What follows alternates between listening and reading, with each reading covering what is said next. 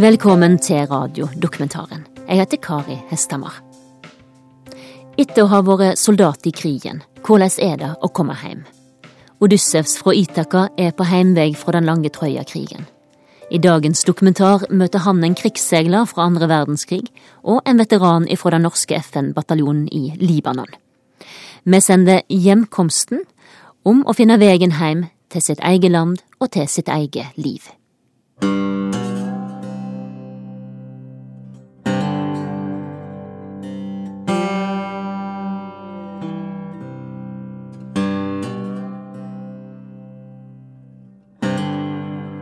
Alle har jo drømt om å fly. Jeg står på, på et sted, og så veit jeg at jeg skal løfte vingen min over hodet, og så løpe ut, og så gi meg hen.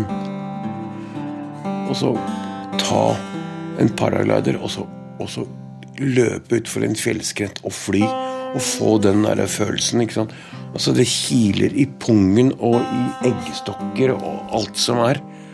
For det er eh, noe av det kuleste en menneske kan gjøre. Alle folk burde egentlig bare flydd en tur. Maybe it's because I'm a Londoner that I think of her wherever I go. I got a funny feeling inside of me, walking up and down. Maybe it's Ingvald Wahl, 4. oktober 2013.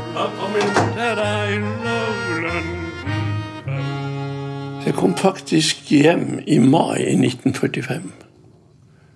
Eh, Jeg var da eh, matros og, og kanonerskytter om bord i Libertyskipet Liberty-skipet Roald Amundsen. Krigen brøt ut en søndag 3. Den søndagen eh, var vi på tur ifra fra Leningrad, som det het den gangen, og til Rotterdam. Den søndagen husker jeg veldig godt, fordi at med et nydelig høstvær, det var ikke en kilekanal. Og denne søndagsettermiddagen var bare noen timer etter at krigen var begynt. Så spa, spaserte vi jo søndagstur til Skinnerlandskanalen. Jeg var 19 år da, og, og Morten Lie, 22. november 2013.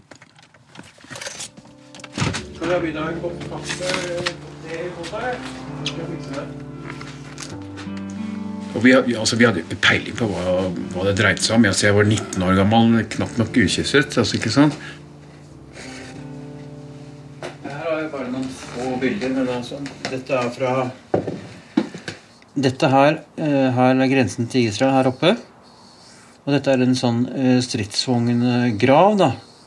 Og Elkiam ligger her borte. altså Det var her eh, de drev med geriljakrig og holdt fangene sine og torturerte dem. Så dette er hagen som jeg bodde i. da, altså Vi hadde huset her. Jeg er Odyssevs. Mitt ry når like til himmelen. La meg fortelle hva Sefs i sin vrede sendte meg av trengsler og nød på min hjemferd fra Troja. O muse, fortell om hin rådsnare helt som flakket så vide. Mangen en sjelekval døyet han titt på sjø, når han fristet å berge sitt liv og frelse seg hjem med sitt mannskap.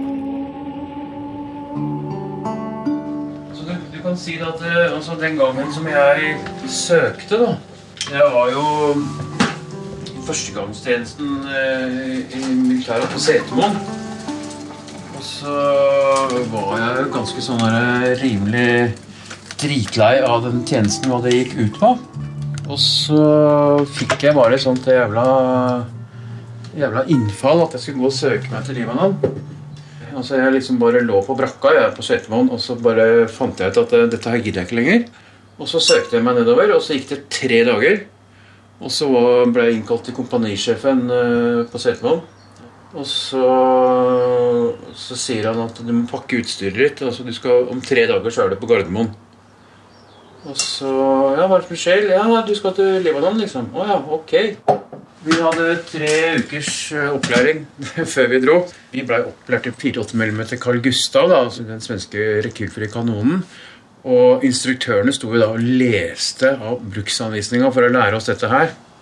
Og når vi landa i Beirut, så, så var det bombeangrep. Altså det var granatnedslager overalt i, i, på flyplassen. Altså vi, var bare, altså vi var grønne. Virkelig grønne gutter.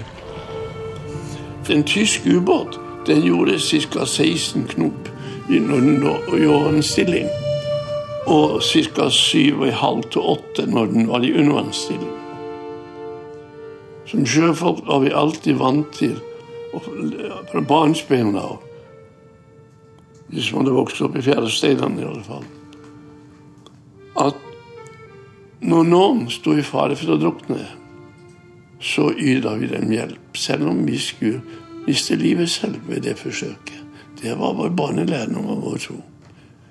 Iallfall for oss som følger langs kysten. Så det var veldig hardt, dette her med å, å se dem reike forbi konvoiene.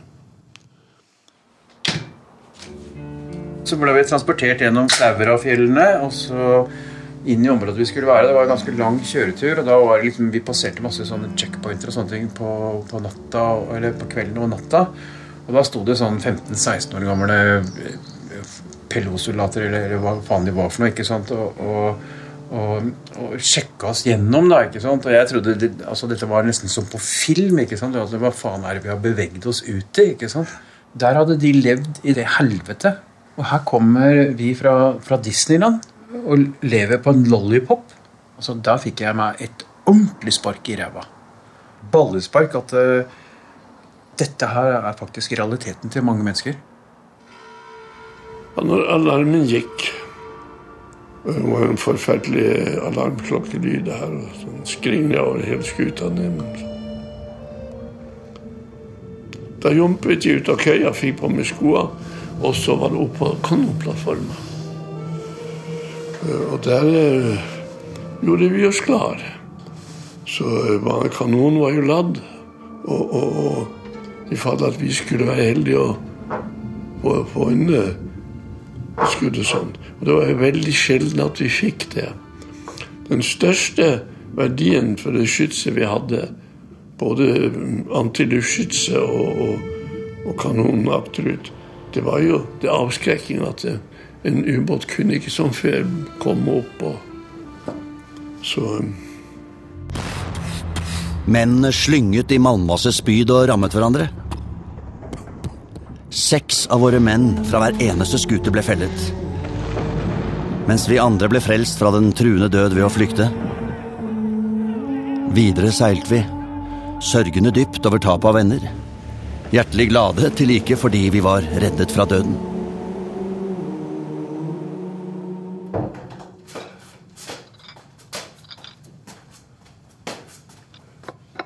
Det er jo den uh, torpedofoten min som gjør at jeg må humpe rundt med en rullator. I 41 allerede så fikk vi redningsvester. Og på hver redningsvest hadde vi montert en lita lampe. Den lampen var av en slik beskaffenhet at når vi vridde på topplokket, så ble det litt rødt lys. Uh, jeg uh, hadde alltid på meg denne vesten. Og så var det dette da med konvoiens ubønnhørlige lov. Konvoien fortsetter. Uansett så gikk der en båt med betegnelsen rescue boat, altså skulle redningsbåter plukke opp overlevende. Vi kalte den bare for likpellen. Fordi at de var som regel døde, de som var i vannet. Det var jo kaldt og jævlig. Så um, redselen og angsten, den satt i oss. Ja. Så det å se dem dø, det å se de røde lyktene seile forbi Ja, sånn var det. Den gangen så henta vi jo norske soldater som landa i Beirut. Og det verste var jo det at når vi kjørte på vei til flyplassen, så hadde, jo, hadde vi jo Shabra Ashatilla liggende på vei dit. Og når de kjente lukten av 500 000 mennesker som bodde i et innesperra område som ikke var større enn en golfbane, altså i Gåsøyene, uh, og, og, så hva som skjedde med de, hvordan de ble behandla, Det er 5-36-37 grader. Kjører gjennom en, eh, forbi to leirer som du bor mennesker uten sanitære forhold. Kjenner lukta. Altså, du kjenner frykten. Da natten falt på, sov byen så stille. Vi snek oss ut fra trehestens mage. Odyssevs klatret opp på muren, tente en fakkel og tegnet i luften angrepssignalet til flåten som lå ute i Nattehavet. Før solen steg opp, sto Troja i flammer. Hver dør var slått inn, og tømt var hvert eneste skattekammer, og mange lå døde i Trojas gater. Da solguden neste dag besteg sin trone, var krigen over. Det jeg så like etter, var Odyssevs skip alene for fulle seil ut fjorden over Skumtopper høye. Og ikke var han langt fra land før Poseidon satte inn en storm som kastet Odyssevs skip og mannskap ut i nærkamp med Poseidons bølgekraft og straffedom. Siden den gang er han ikke sett, så vidt jeg vet. Du ble mer, og mer krigserfaren, da. Det merka jeg.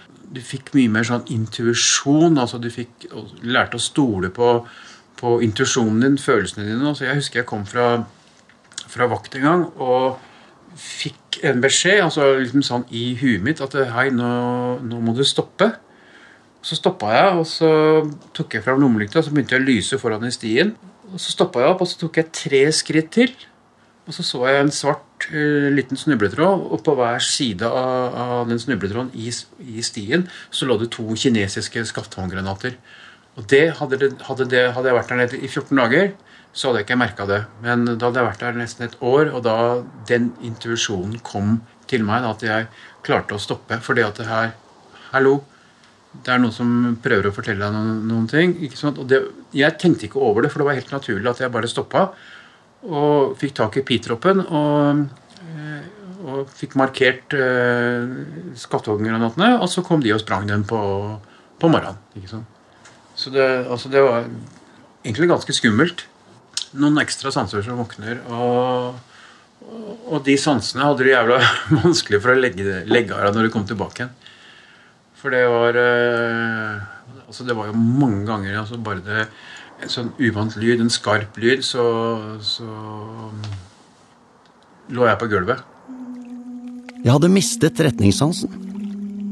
Havet lå stille. Ikke et vindblaff i seilet. Ingen fugler å se, som ellers er et betryggende tegn på at man nærmer seg land.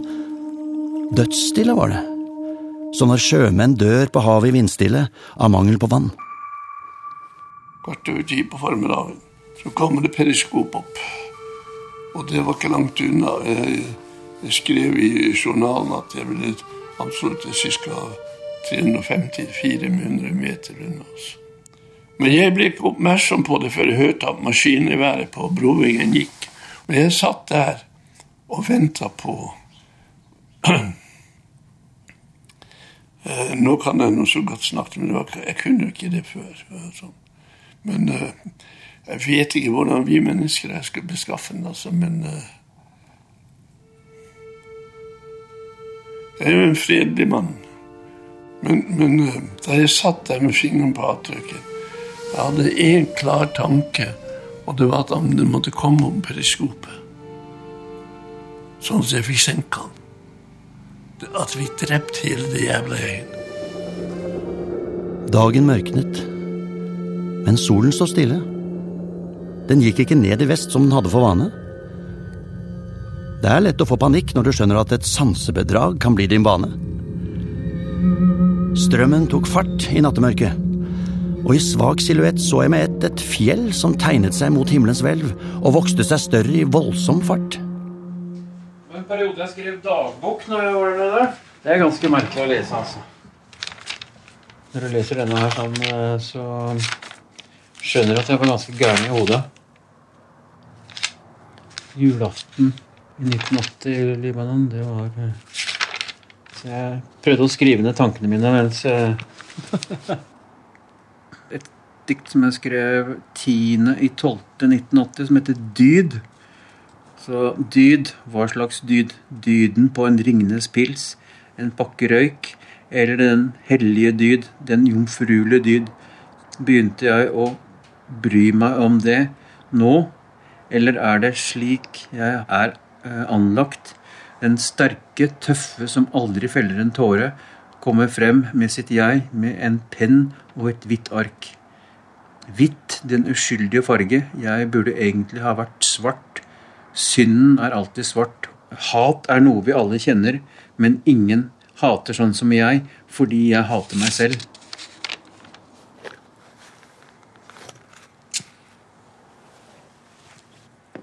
Så det gjorde veldig mye for meg å sette meg ned og skrive. Og, og liksom få ut av meg gruffet. De gangene jeg hadde anledning Det kan være at jeg kom fra nattvakt eller patruljer eller sånne ting og var liksom sånn irritert eller gira opp av eh, det jeg hadde opplevd. Og så satte jeg meg ned og så prøvde jeg også å skrive ned tankene. Men det var en måte altså liksom En utfallsvinkel ut av bakhodet mitt for å ikke bli sittende igjen med, med masse gruff. Til dødsriket trenger du ingen mann ved ditt ror. Reis du bare din mast, og heis de snehvite seil. Sitt så i ro, til nordavindens pust skal føre ditt fartøy.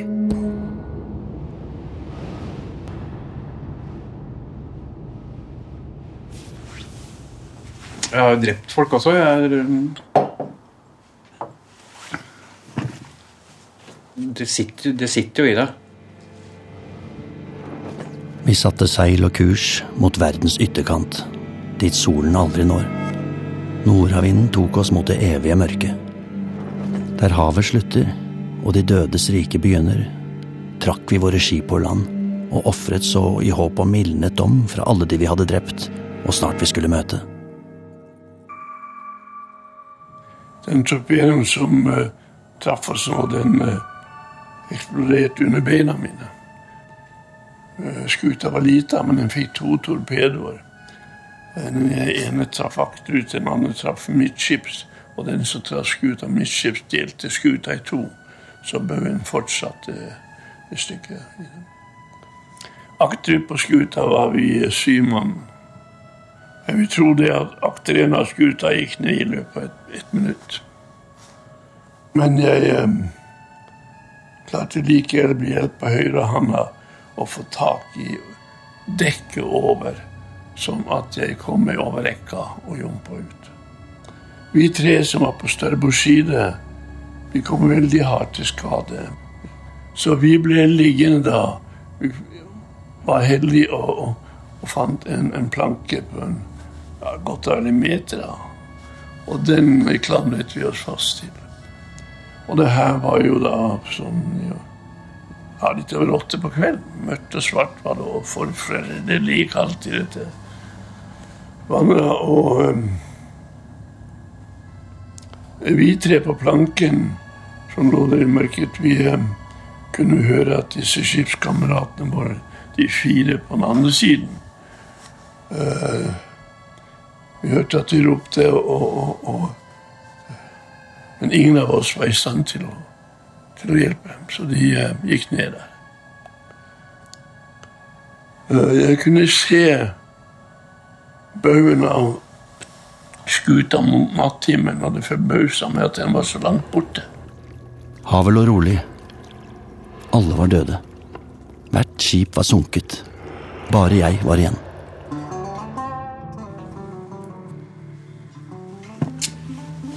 Altså, det er en Det er en måte å få ting på plass igjen, eh, på en måte.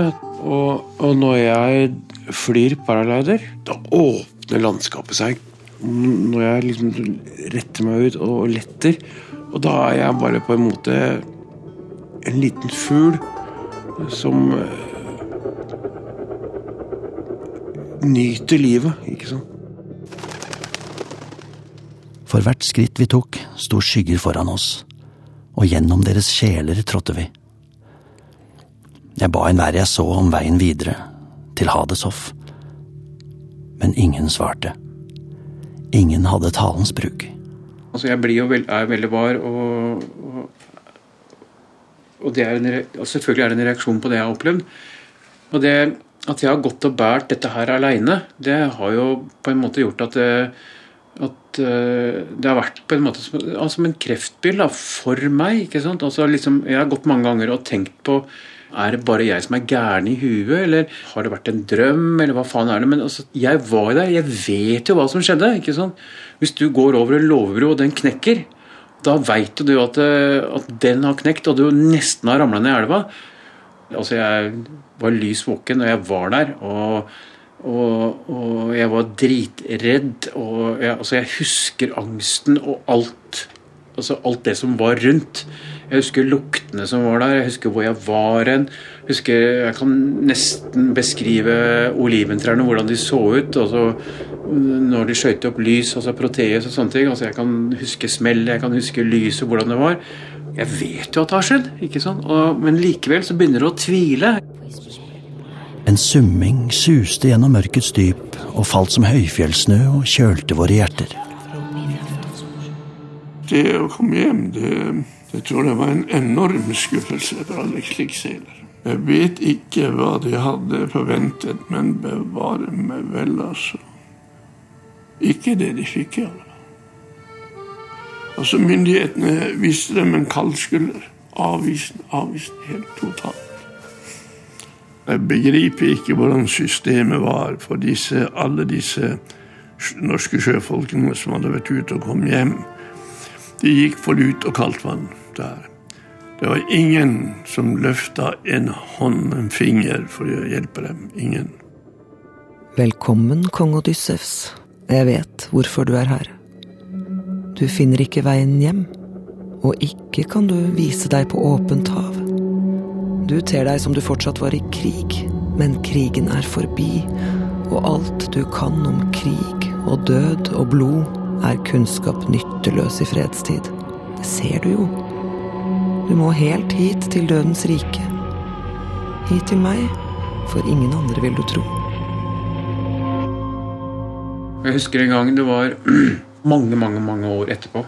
Jeg var på en eller annen pub og så var det et surprise party. Det var et sånt eventfirma som skulle lage en overraskelse eh, for et et reiseselskap som satt der. altså sånne guider. Og kom, altså Da kom de inn fra hotellresepsjonen med eh, finlandshetter og, og, og, pistoler. Og skjøt i lufta og arierte for den gruppa at det skulle liksom være et, et ran. da. Det første jeg gjorde, var å hvelve bord, krabbe bortover eh, gulvet og forskanse meg bak et bord. Altså det, jeg tenkte ikke, jeg bare gjorde det. Og, og jeg gikk til direktøren for, uh, for, hotellet etterpå og så sa jeg, hva faen er dere har funnet på? Liksom. Altså, nå er det sånn at jeg Nå ble jeg uh, liggende i tre-fire-fem dager og så tenke på dette her sånn. ikke sånn. Og jeg vet ikke om jeg skal være glad eller lei meg for det, men altså, det var i hvert fall reaksjonen. Og det er liksom de sansene som jeg har, har eh, i meg. Og, og, fremdeles så har jeg det, det, i meg, liksom. De som var så heldige at jeg hadde en familie som kunne ta vare på dem, dem var det bra med. Men det var mange som eh, ja, gikk for lut og kaldt vann. Jeg eh, ble gjort oppmerksom på at jula i 1945, etter jula, så kom politiet over eh, Ja, det var tre krigsseilere som hadde lagt eh, feira jula i et telt på Mørbrygga i Oslo, på Bypetangen. Og, og eh, der De frøs i hjel, de tre. Det var jo de som ingen familie hadde, eller hadde en familie som ikke var i stand til å ta vare på dem, og ikke ville ta vare på dem. Og det var også på grunn av uh, at flere av dem var ødelagt pga. brennevin, for å si det som det er. Og ja.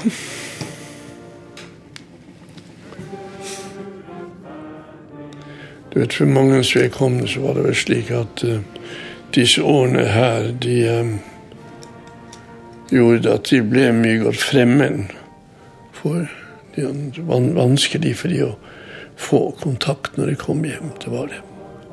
Så det er fælt å si det, men sånn var det.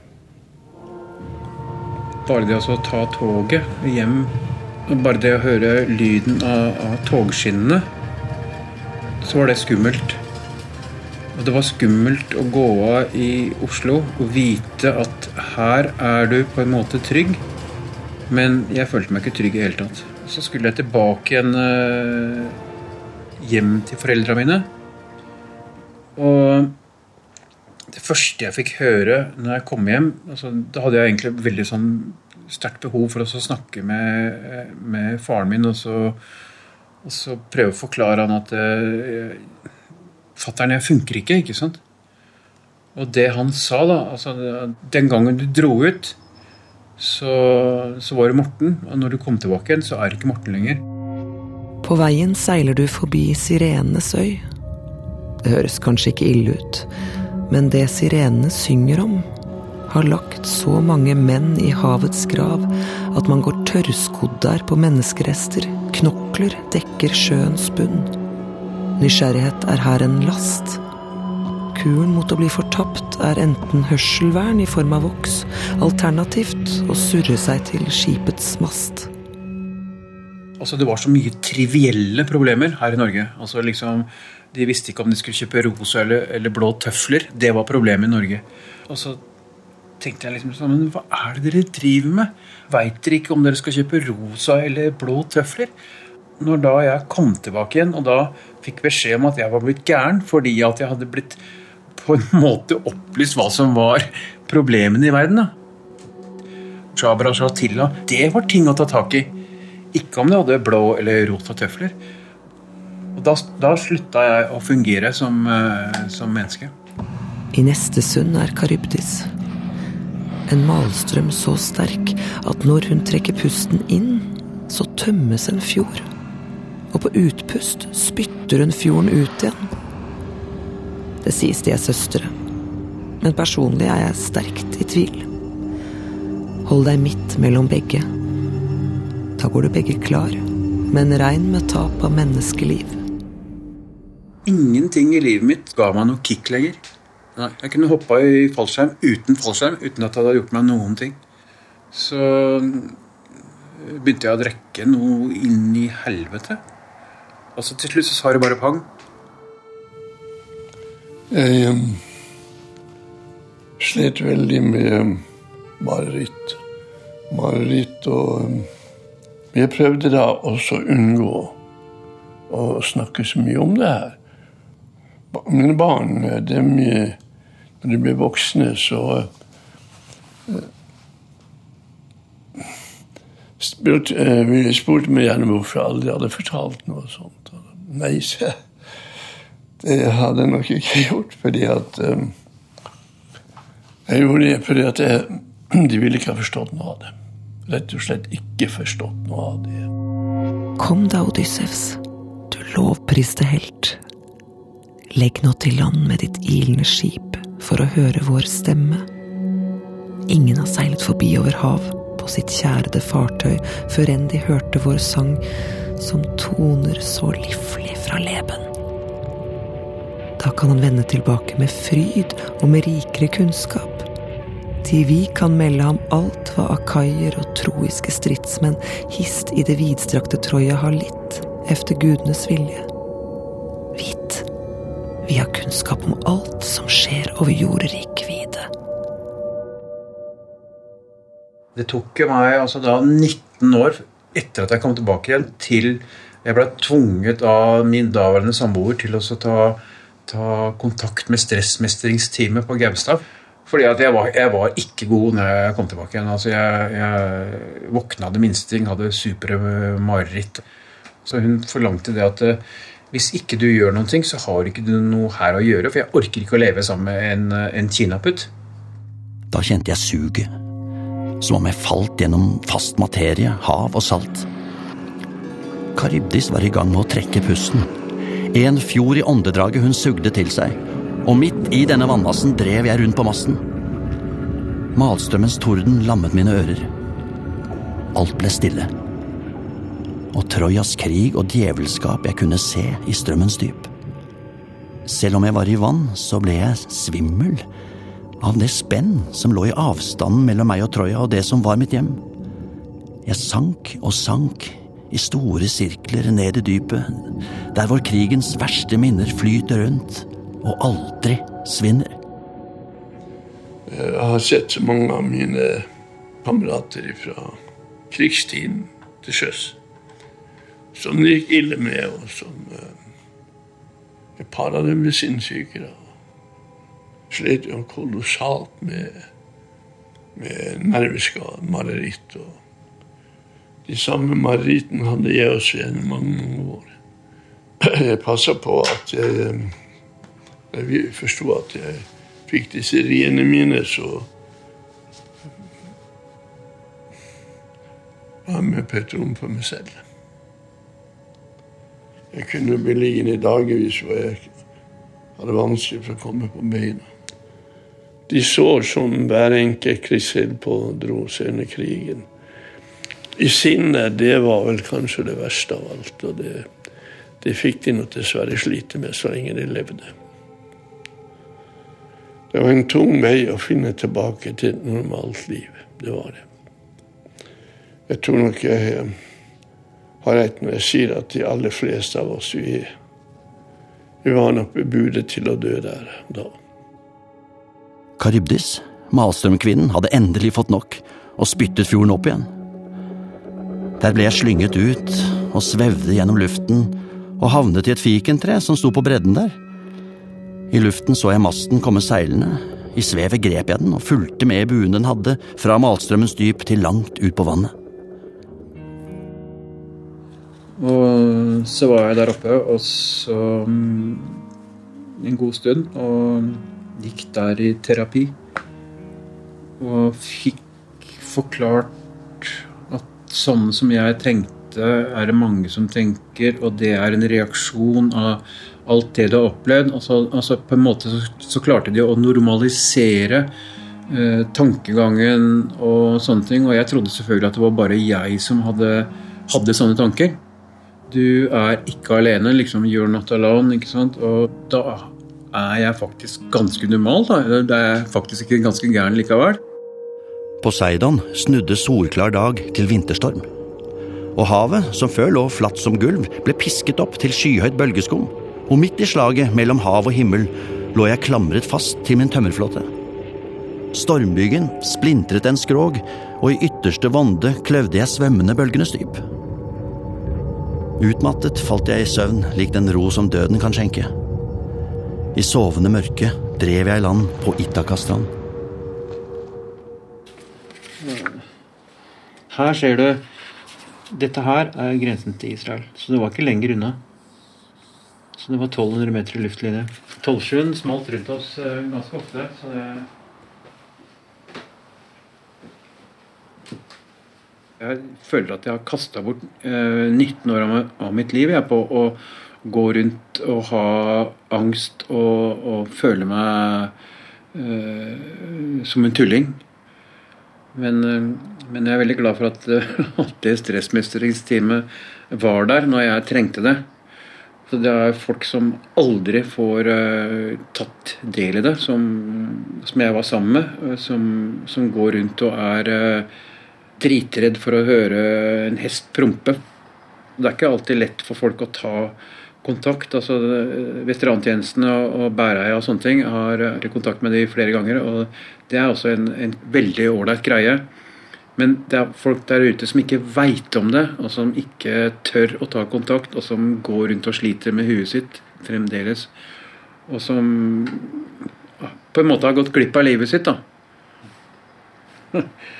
81, så det er ganske lenge siden. Nei, jeg blir litt tung med. Jeg møtte en del av mine venner, og jeg så jo det at de, eh, de var forferdelig bitre. Og jeg forsto at jeg kunne ikke leve mitt liv i bitterhet. Det, det gikk ikke.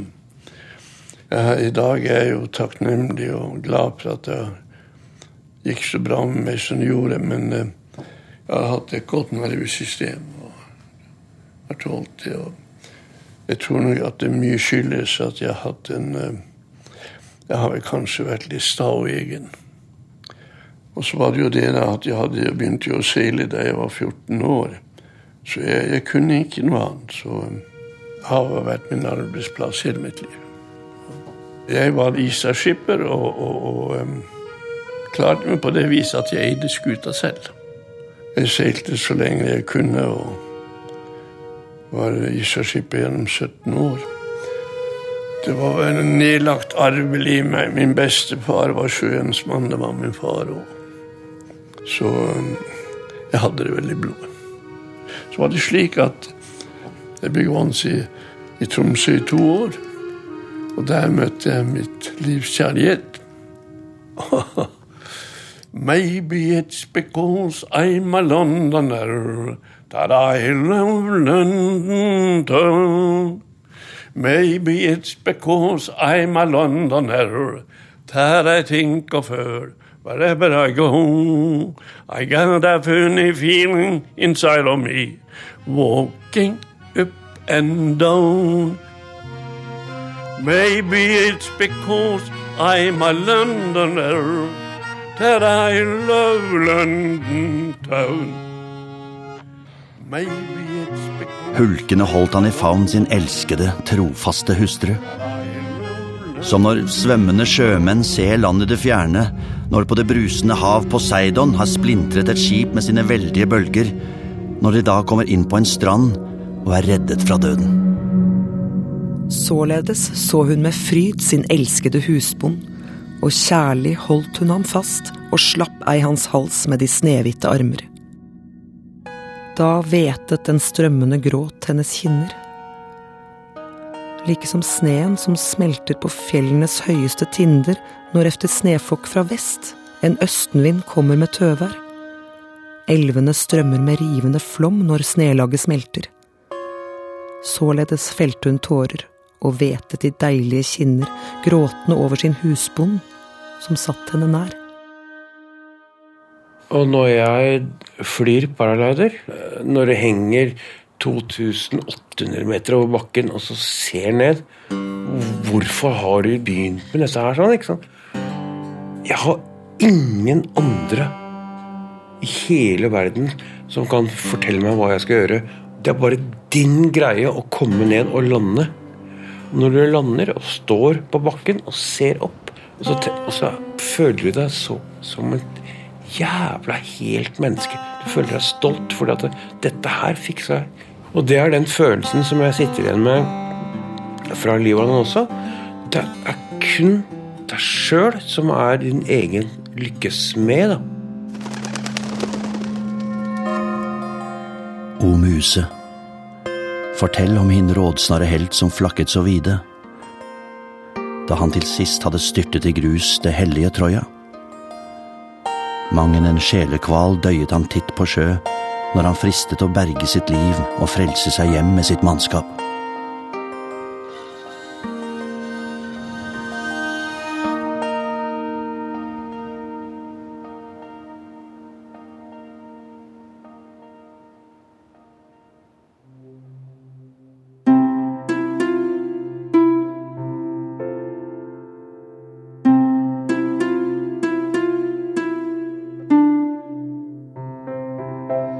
Du har hørt Hjemkomsten, en radiodokumentar av Morten Kramner.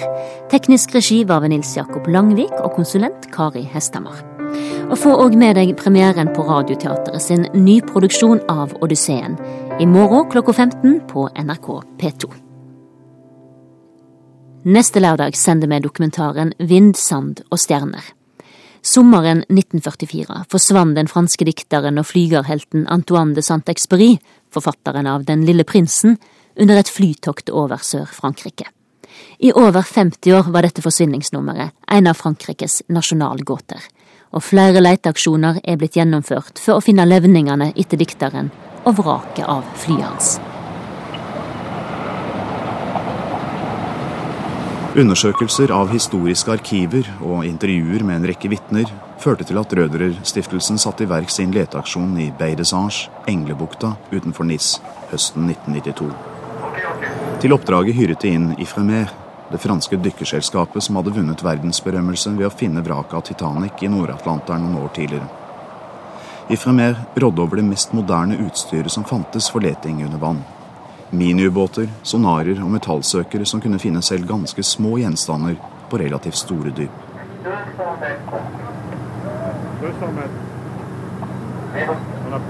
Over 30 vitner hadde forklart at de så et tohalet fly styrte i havet i Bay de Sarge den aktuelle dagen, den 31. juli 1944.